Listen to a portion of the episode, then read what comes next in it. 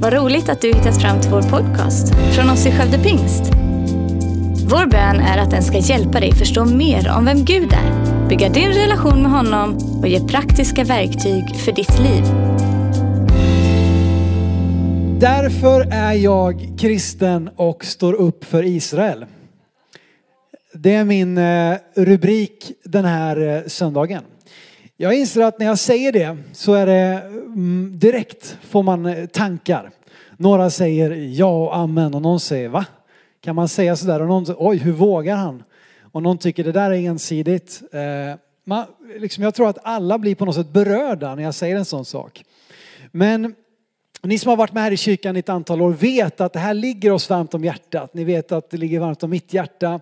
Sven som var pastor här tidigare och det har varit ett stöd för Israel eh, långt tillbaka. Jag pratar med många av våra äldre medlemmar som känner det här. De bär på detta, ber för Israel och, och liksom har fått tag om det här.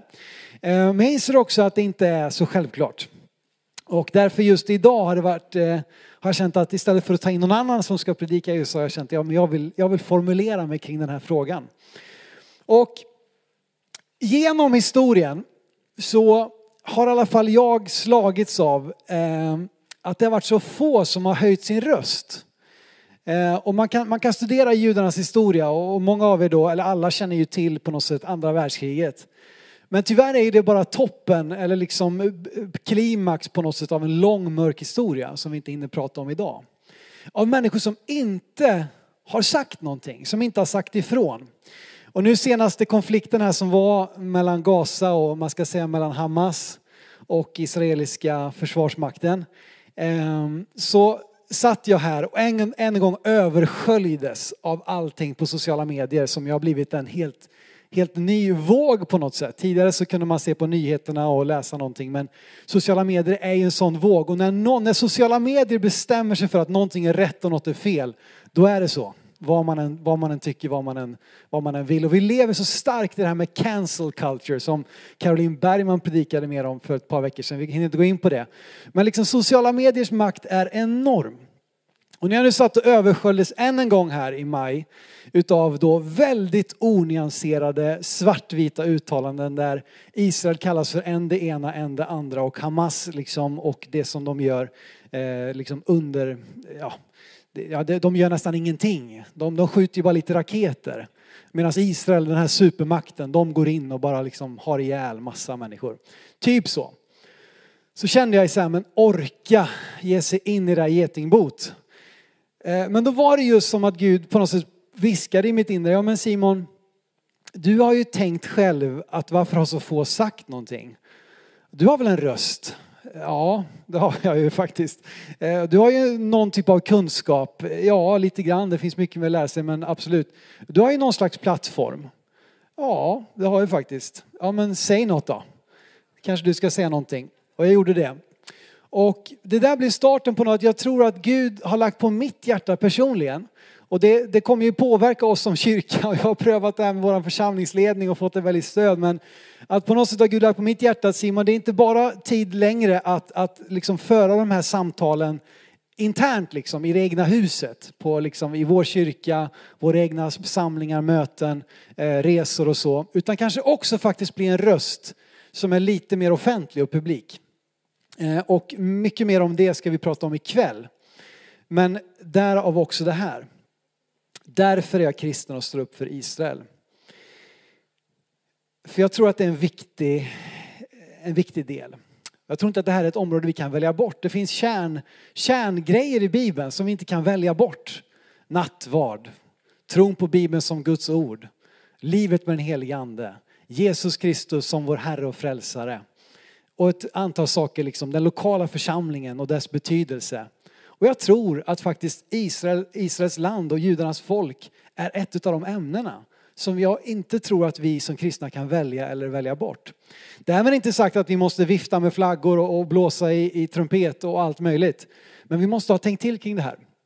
Och jag hoppas du vill vara öppensinnad nog att följa med mig på en liten biblisk grund då.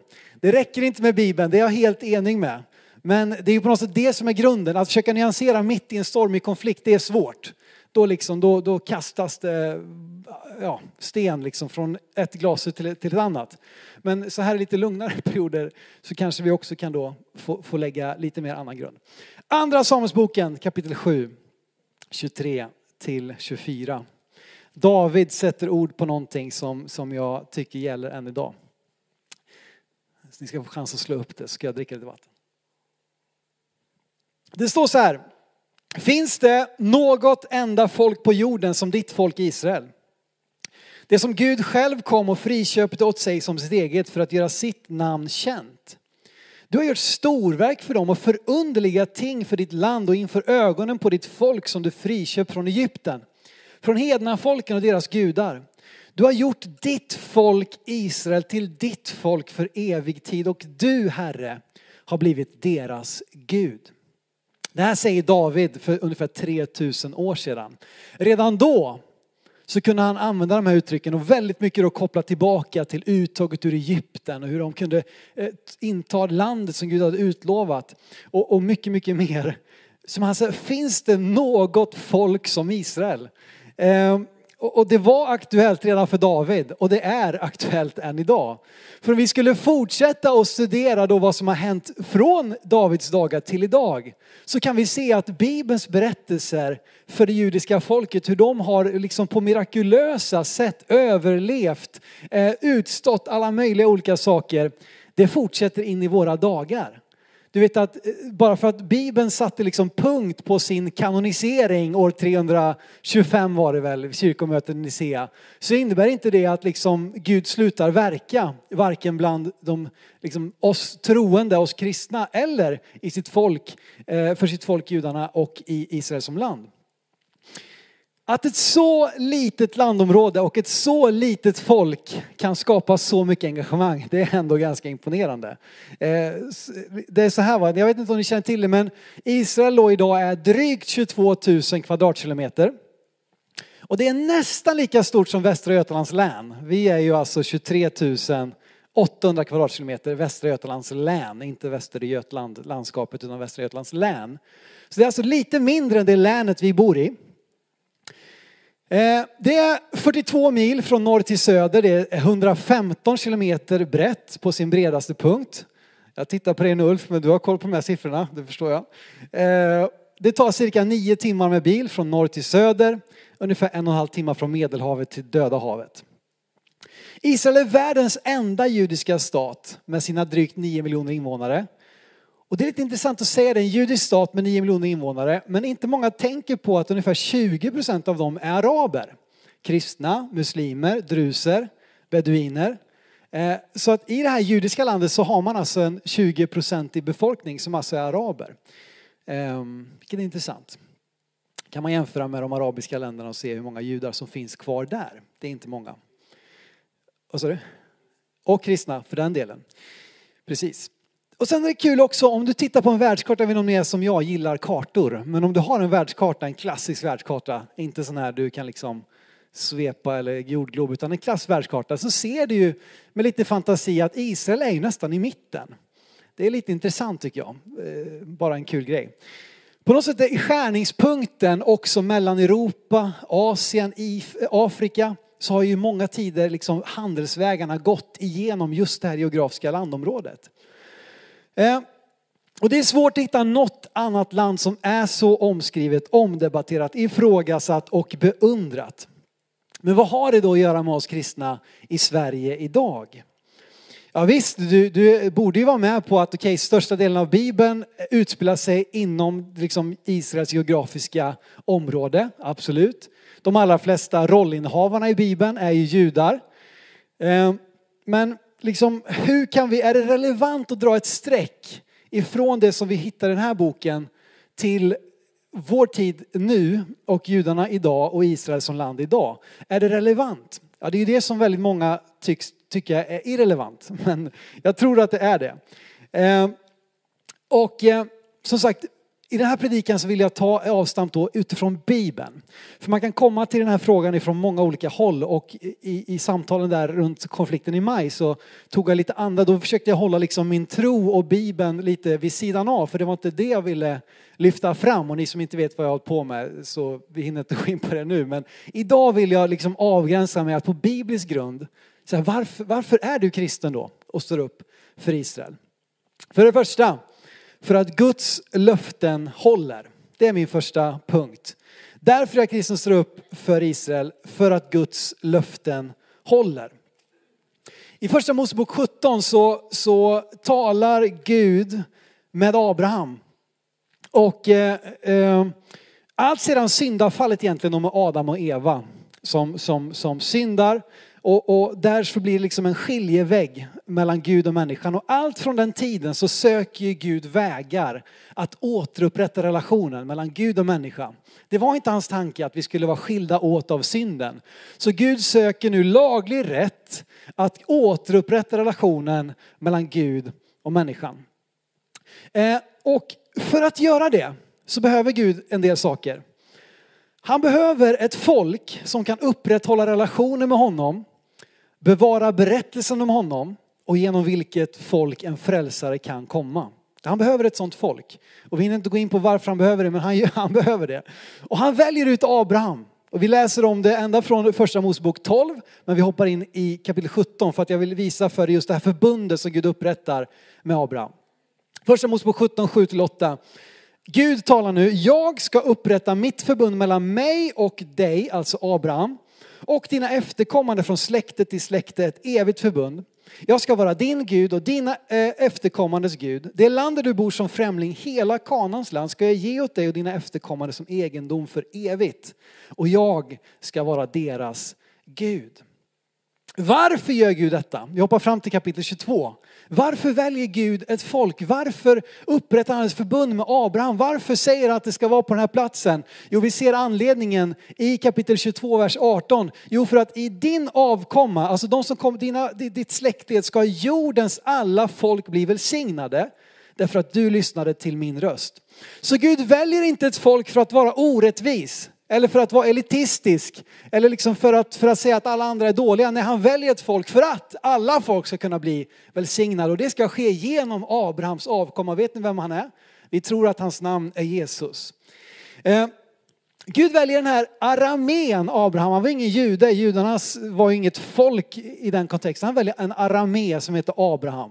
Som bodde långt ifrån Kanans land då. Men han leder honom, han säger till honom, gå till det land jag ska visa dig.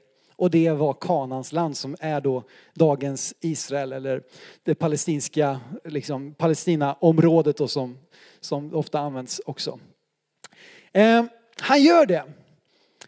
Varför väljer Gud just Abraham? Varför väljer Gud just detta landområde?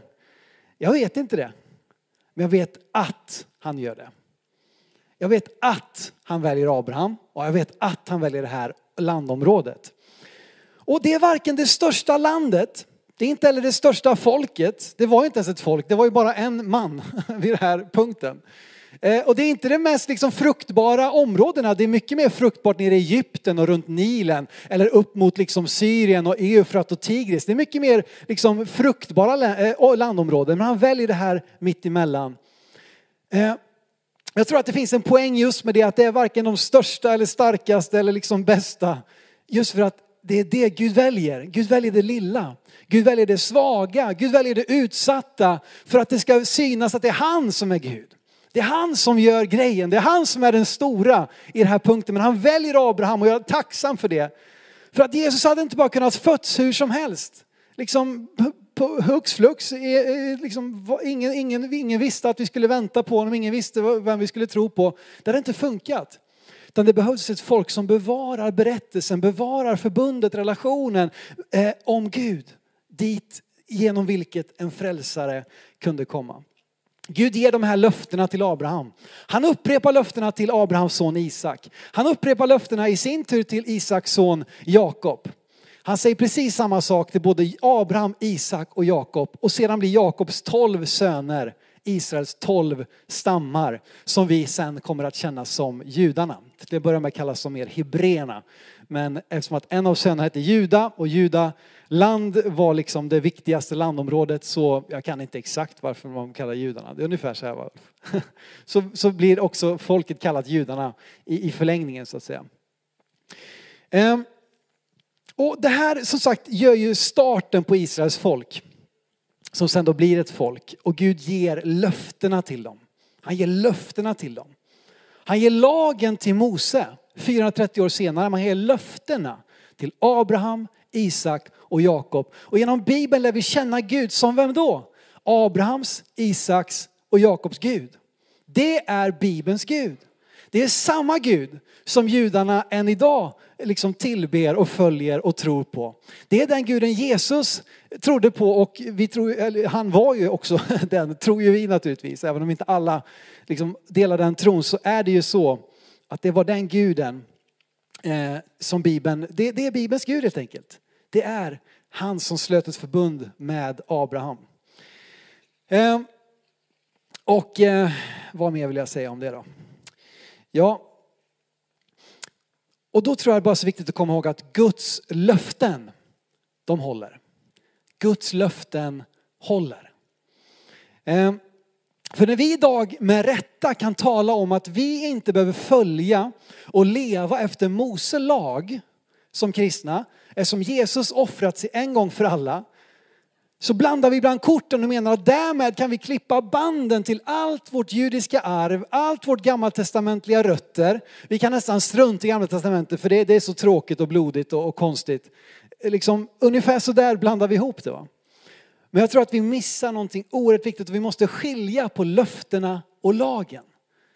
Det är ett sätt att förstå de hur det här hänger ihop. För att, men vadå, vi ska väl inte offra, vi ska väl inte omskära oss, vi ska väl, nej absolut. Det är för judarna som folk. Men vi kan genom tron på Jesus bli en del av löftena som gavs till Abraham. Följ med mig till Galaterbrevet 3.17 eh, till 18. Paulus säger så här, och Paulus säger den som, som primärt liksom försöker förklara hur det ska hänga ihop. Både judekristna eller judar och hedna kristna, alltså hedningarna är ju alla andra folk förutom judarna i Bibeln, eh, där vi kommer in. Hur ska den här relationen se ut? Ja, Paulus är den som primärt undervisar och förklarar. Han säger så här Galaterbrevet 3.17. Vad jag menar är detta. Ett testamente som Gud själv i förväg gjort giltigt kan inte upphävas av lagen som kommer 430 år senare. Så att löftet skulle bli ogiltigt. För om arvet skulle bero på lagen beror det inte längre på löftet. Men Gud gav det till Abraham genom ett löfte. Och därför har Kristus står upp för Israel för att Guds löften håller. För andra, för att de gett oss Jesus. Romarbrevet 9, kapitel 4-5. Här har vi tre kapitel där Paulus verkligen går in på djupet i det här och det skulle vara ett spännande bibelstudie bara det. Vi ska läsa två versar. Det är lite bibelstudie idag, hoppas ni är okej okay med det. Eh, och Romarbrevet 9, 4-5. Paulus säger så här om då eh, judarna som folk. De är israeliter. De har barnaskapet och härligheten, förbunden och lagen, tempelgudstjänsten och löftena. De har fäderna och från dem har Kristus kommit som människa, han som är över allting. Gud välsignad i evighet. Amen. De har allt det här och genom dem har Jesus kommit. I över 2000 år så var det bara Israels folk som stod emellan att Bibelns Gud skulle falla i glömska. Eh, att, att liksom relationen med Gud skulle, skulle glömmas bort. Eh, bli, bli, ja. Men det var judarna som höll ut, som stod fast, som trots förskingringen till både Babel till Assyrien kom tillbaka och höll fast vid tron på Bibelns Gud, Abrahams, Jakobs, eh, Isaks och Jakobs Gud. Det var bara judarna som gjorde det under över 2000 år. Och vet du vad, kyrkan håller ju på att fylla snart nu 2000 år. Och ska vi då på kortare tid så att säga ge upp eller tycka, men strunt i dem, de har förkastat, de har liksom spelat ut sin rätt och de har haft sin chans och de har gjort sin grej. Nu är det någonting nytt som kommer. Vi är så historielösa ibland vet du. Jag tycker att vi behöver också, utifrån det att de har gett oss Jesus, visa en tacksamhet och, och liksom stå upp för dem på grund av det. De har förmedlat skriften, de har bevakat läran, de har gett oss Jesus. Jesus var jude, levde som jude, dog som jude, uppstod som jude. Likaså hans tolv lärjungar, alla judar. Hela Bibeln förutom Lukas apostlagärningarna skrivet, skrivet av judar. Den första församlingen, 3000 personer, blir döpta på pingstdagen. Vilka var de? Judar. Utspridda förvisso redan då runt hela medelhavsområdet som pratade många olika språk. Men de var judar som har kommit till Jerusalem för att fira pingsten. Det var därför de var där. Hela den första församlingen som vi känner den är judisk. Och de trodde att det skulle förbli så. För att judarna som folk att tänka sig att okej okay, nu ska även hedningar komma in här och få del av, av löftena av förbundet av allting. Det var svårt att ta till sig. Och vi möter Petrus i kapitel 10 där han, där han brottas med det här. Vad är rent, vad är orent? Men Gud sänder honom till eh, officeren Cornelius. Och där så kommer hedningarna in. Vi kommer in först i, i Apostlagärningarna 10. Tack och lov för att vi gör det. Och även judarna fick liksom, aha, jaha, ska de, ska de få en del? Kan även, även hedningarna ta emot Jesus? Kan även de? Eh, så det var en ny tanke och Paulus är ju den som framförallt så här förespråkar båda delar. Han står upp för, för, de, för de hedna kristna, att de ska inte behöva bli judar för att, för att följa Jesus. Och, och inte heller så ska, ska de kristna säga, eller hedna kristna säga till de judekristna, ni ska sluta med allt judiskt för att få, få tillhöra Guds folk. Nej, Paulus försöker förklara Guds tanke. Hedningar och judar sida vid sida genom tron på samma Messias. Där judarna respekteras och uppmuntras att fortsätta vara ett judiskt folk utifrån det förbundet och lagen som Mose gav. Men där vi genom tron på Jesus förenas. Okej. Okay. Eh, och allt det här, allt det här fyller mig med sån stor tacksamhet. En enorm tacksamhet eh, för vad de har gjort för oss. Och eh, eh och då känner jag så här att, att, att jag, vill, jag vill stå upp för, för detta folk, för detta land. Vet, en gudstroende jude, vi ska, och sen ska man ha med sig, naturligtvis inte alla judar troende. Det finns lika mycket sekulariserade judar som svenskar. Eh, typ. Men, men för en gudstroende jude, han eller hon lever och dör i tron på Messias som ska komma. Eh, och, och, och vi lever och dör genom tron på Messias som har kommit. Och det finns även judar som, som tror på Jesus som Messias, den utlovade som, som skriften talar om. Men vi tror på och vi, vi tror på och tillber samma Gud. Det är inte alla religioner man kan säga det om, även om det är populärt idag. Men judarna kan vi verkligen säga det. Eh, och som sagt, jag tänker också på det här att, att Gud uppmanar oss att hedra din far och din mor. Och i någon mening så är ju faktiskt judarna våran far och mor. Det är de som har som sagt över 2000 år kämpat för att vi skulle få chansen att komma in och bli en del av folket, löftena, förbundet. Och där är också, tänker jag, bara det är en anledning att hedra och visa tacksamhet. Därför är jag kristen och står upp för Israel. För att allt för få historiskt har gjort det. Och här kommer in liksom ett, ett, en, en samvetsgrej. Vi fortsätter läsa Paulus i Romarbrevet 11. För här kommer vi in där han handskas med det som vi idag känner som ersättningsläran, ersättningsteologin.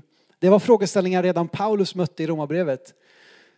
Nämligen det att Gud skulle ha liksom förkastat sitt folk judarna, ersatt det med kyrkan och de kristna och att vi har ersatt judarnas roll som Guds utvalda folk i historien. Och därmed så kan vi liksom, de, de har blivit bortbrutna, de har blivit undan, liksom, de har förkastat Jesus, de har eh, korsfäst Jesus och därför har de spelat ut sin, sin rätt och nu är det vi liksom. New kid on the block, nu är det kyrkan, nu är det de kristna som har det.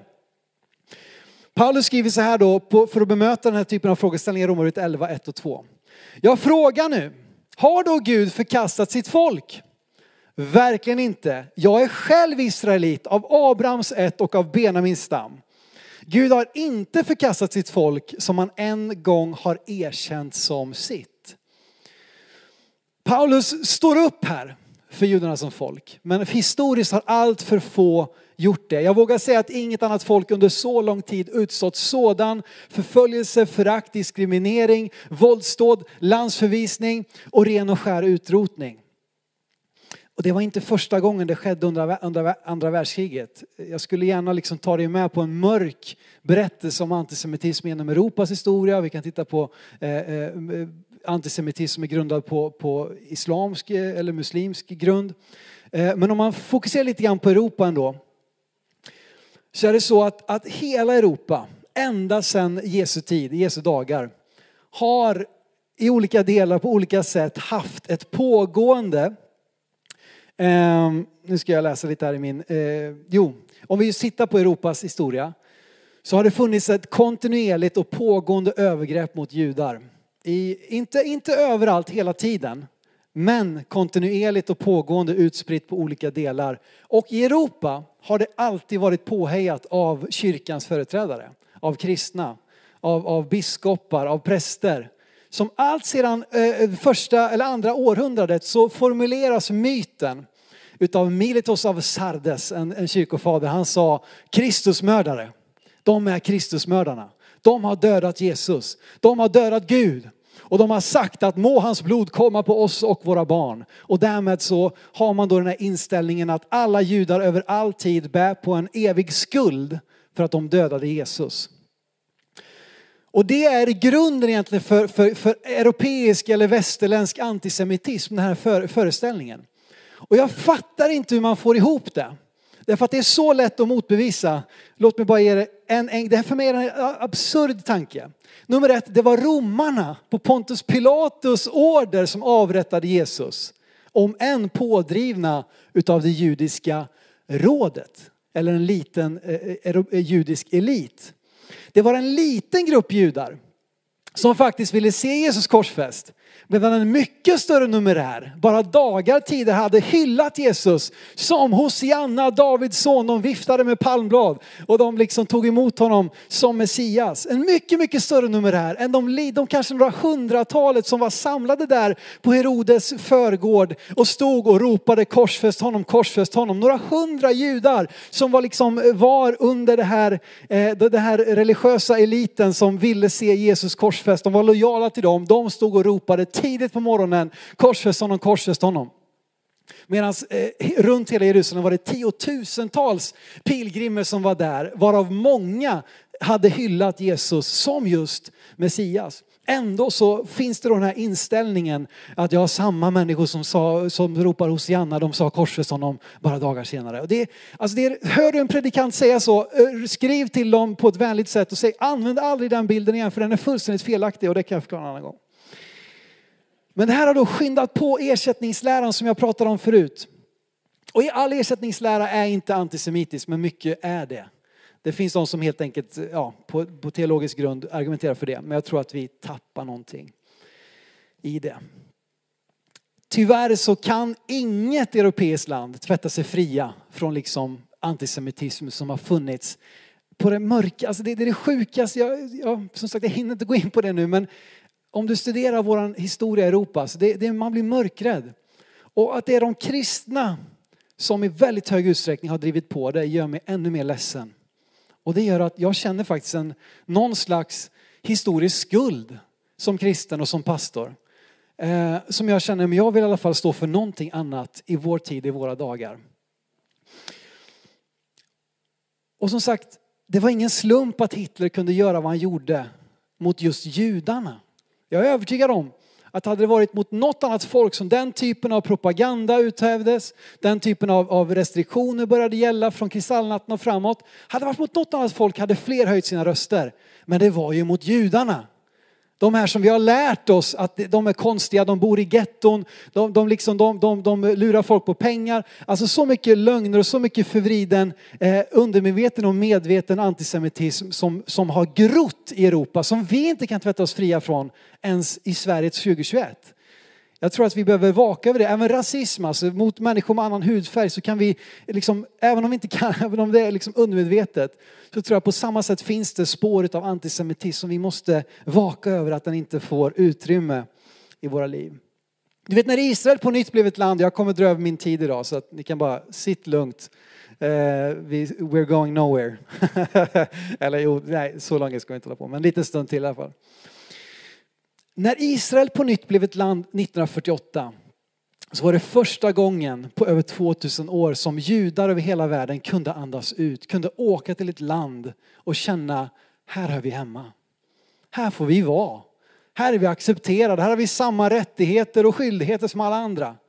Även om de fick betala för den friheten med ett väldigt högt pris och från dag ett hamna i krig med alla sina grannländer så visste de ändå, det är i alla fall vårt land. Och det var ett mirakel att det skedde och vi hinner inte gå in på det heller. Men Det var ett mirakel, ett land där vi kan få resa till, där vi kan få in, återvända till. Precis som Bibeln talar om. Eh, och veta att det här är ett land där vi är hemma. Redan för 3000 år sedan gjorde David Jerusalem till Israels huvudstad. 3000 år sedan. Redan för 4000 år sedan så var det Gud, ungefär 3800-4000 år sedan som Gud sände Abraham till det här geografiska området. Ända sedan dess har Israel och Jerusalem haft en mycket, mycket speciell plats för allt, alla judar. Ehm, och även om de då levde som nomader under lång tid, alltså vandrade runt och även om de varit i, i fångenskap periodvis så har det en mycket speciell betydelse från alltså 3-4 tusen år tillbaka i tiden. Och allt sedan templet som Jesus besökte förstördes år 70 så har judar skingrade över hela världen när de firar sina judiska högtider sagt att okej, okay, just nu i år är vi här, men nästa år i Jerusalem nästa år i Jerusalem. Nu är vi i Sovjet, nu är vi liksom i Nordamerika, nu är vi i Sydamerika, nu är vi i Babylon, nu är vi i Irak, nu är vi i, i liksom Marocko, men nästa år i Jerusalem. Och när de då fick möjligheten att faktiskt vända tillbaka till sitt land så blev det, det var ett mirakel, det var inget annat. Att säga att judarna som folk och Israel som land inte ska sammankopplas med Bibelns berättelse och löftena Gud ger där. Det är som att säga att kyrkan idag inte har någonting att göra med apostlagärningarna. Vi kan inte dra någon linje bak till apostlagärningarna. Vi kan inte dra någon linje bak till Petrus och Paulus och de andra lärjungarna. Det, det, är irrelevant. För oss är det en otänkbar tanke att tänka så, i alla fall för mig som kristen. Det är självklart, det är därifrån vi kommer.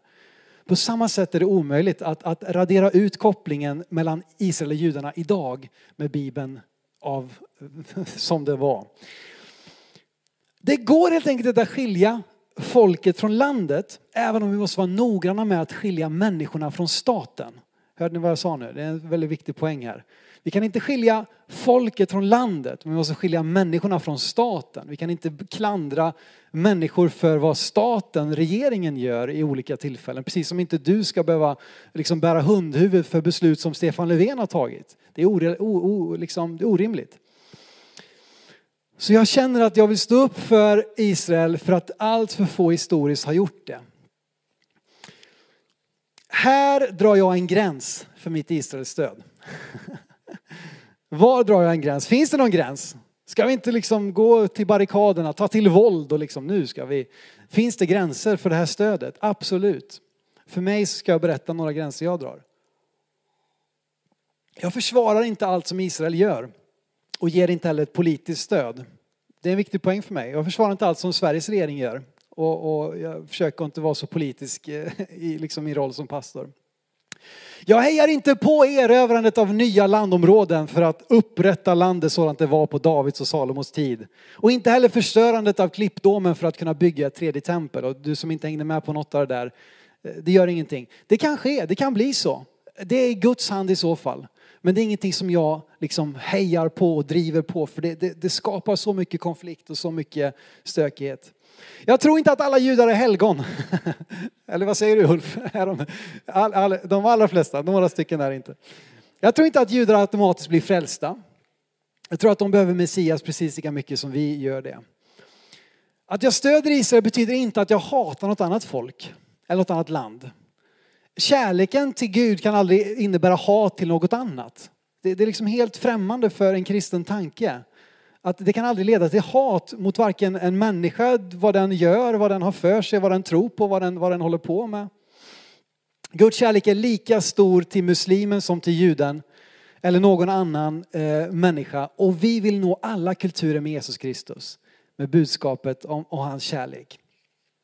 Och en sak som jag vill utveckla och växa i det är att, att få relationer med eh, palestinier med, med dessa människor där så många lider under sina ledares förtryck, lider under de mycket svåra levnadsförhållanden som har påtvingats på grund av den här långa infekterade konflikten. Så är det väldigt många palestinier som lider. Eh, och det enkla svaret tycker jag är att, att de framförallt behöver rättfärdiga ledare som ser till sitt folks bästa. Men det är en annan fråga. Men människorna, Det vill jag eh, växa i, att lära känna och få kontakt med. Och vi håller på att söka vägar också.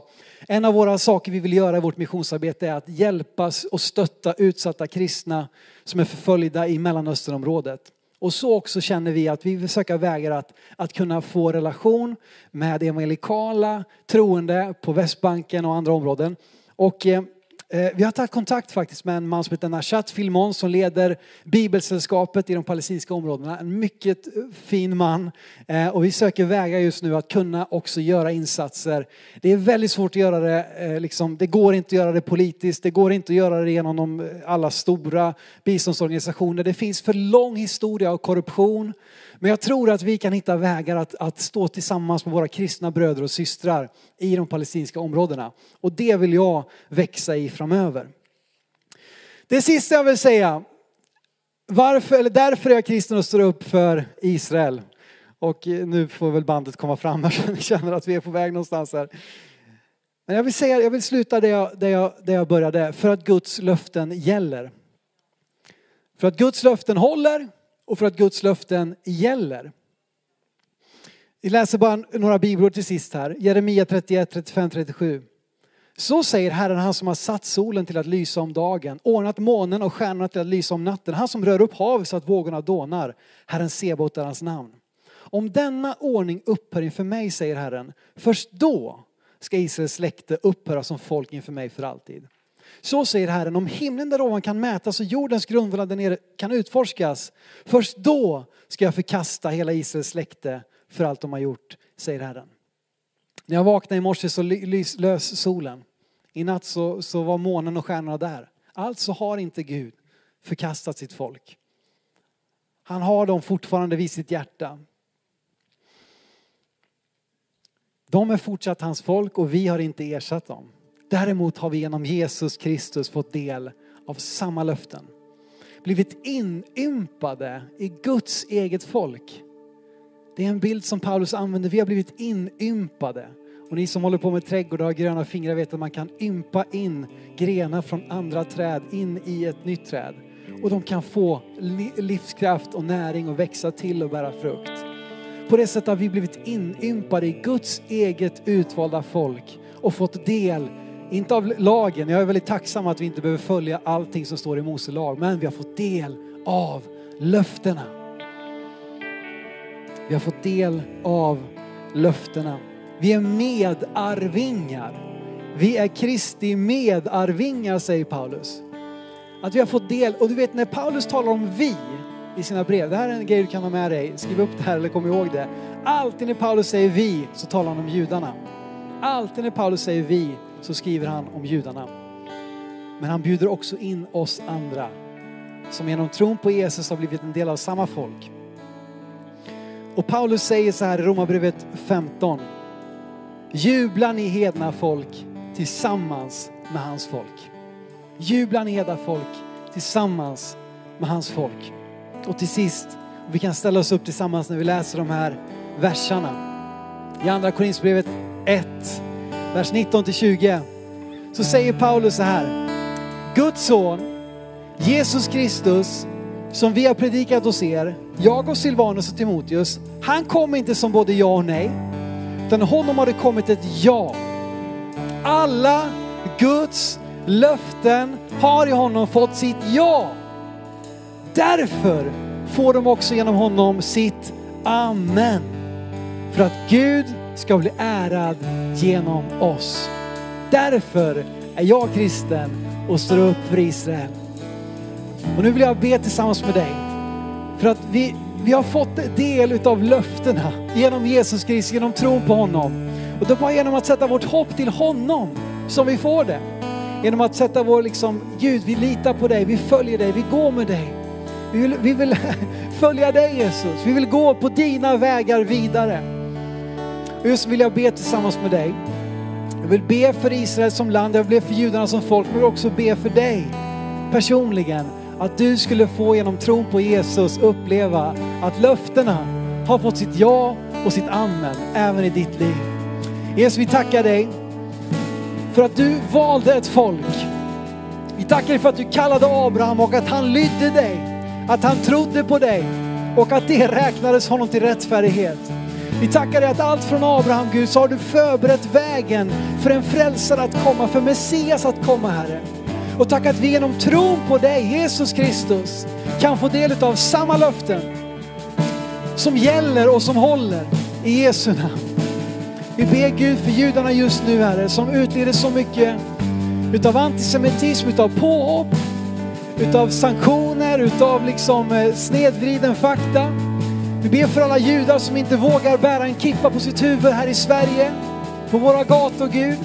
Vi ber för alla judar som undrar om det finns några kristna, om det finns några människor som faktiskt är deras vänner Herre. Vi ber Gud om att det skulle vara fler kristna som reser sig upp inte för att o, liksom, onyanserat säga, säga sitt ja och heja på alla politiska beslut. Men som står upp för folket, som står upp för deras rätt i sitt eget land, Herre. Och att vi skulle få se Gud, att syskonen återförenas, att vi genom tron på Jesus får smälta samman till ett, Herre. Vi vill signa Ulf och hans arbete, Herre. Vi ber att det ska få lyckas, att de ska få hjälpa så många människor som möjligt, Herre. Jag vill också be nu för var och en här inne just nu, Jesus, men inte satt sitt hopp till dig. Tack Jesus, att vi bara genom att säga ett litet ja, ja Jesus, jag tar emot dig. Ja Jesus, jag tror på dig. Kan få ta del av löftena Herre. Som gäller och håller löften om evigt liv. Löften om syndernas förlåtelse. Löften om en ny chans om frälsning Herre. Jag tackar dig för det Jesus Kristus. Och låt oss gå härifrån vetande att löftena tillhör oss genom tron på dig Jesus. Vi tillber dig. Tack för att du lyssnat. Dela gärna podden med dina vänner och glöm inte att prenumerera så du inte missar nästa predikan. Om du har några frågor eller vill att vi ska be eller tacka för något tillsammans med dig så får du gärna höra av dig till kyrkan skövdepingst.se. För oss är veckans höjdpunkt söndagens gudstjänst och det vore så kul att träffa dig där. Våra team finns då redo att ta emot dig och det finns även egna samlingar för barnen. Du hittar mer information om oss, vilka vi är och våra olika mötesplatser på skövdepingst.se. Gud välsigne dig och ha en fortsatt bra vecka.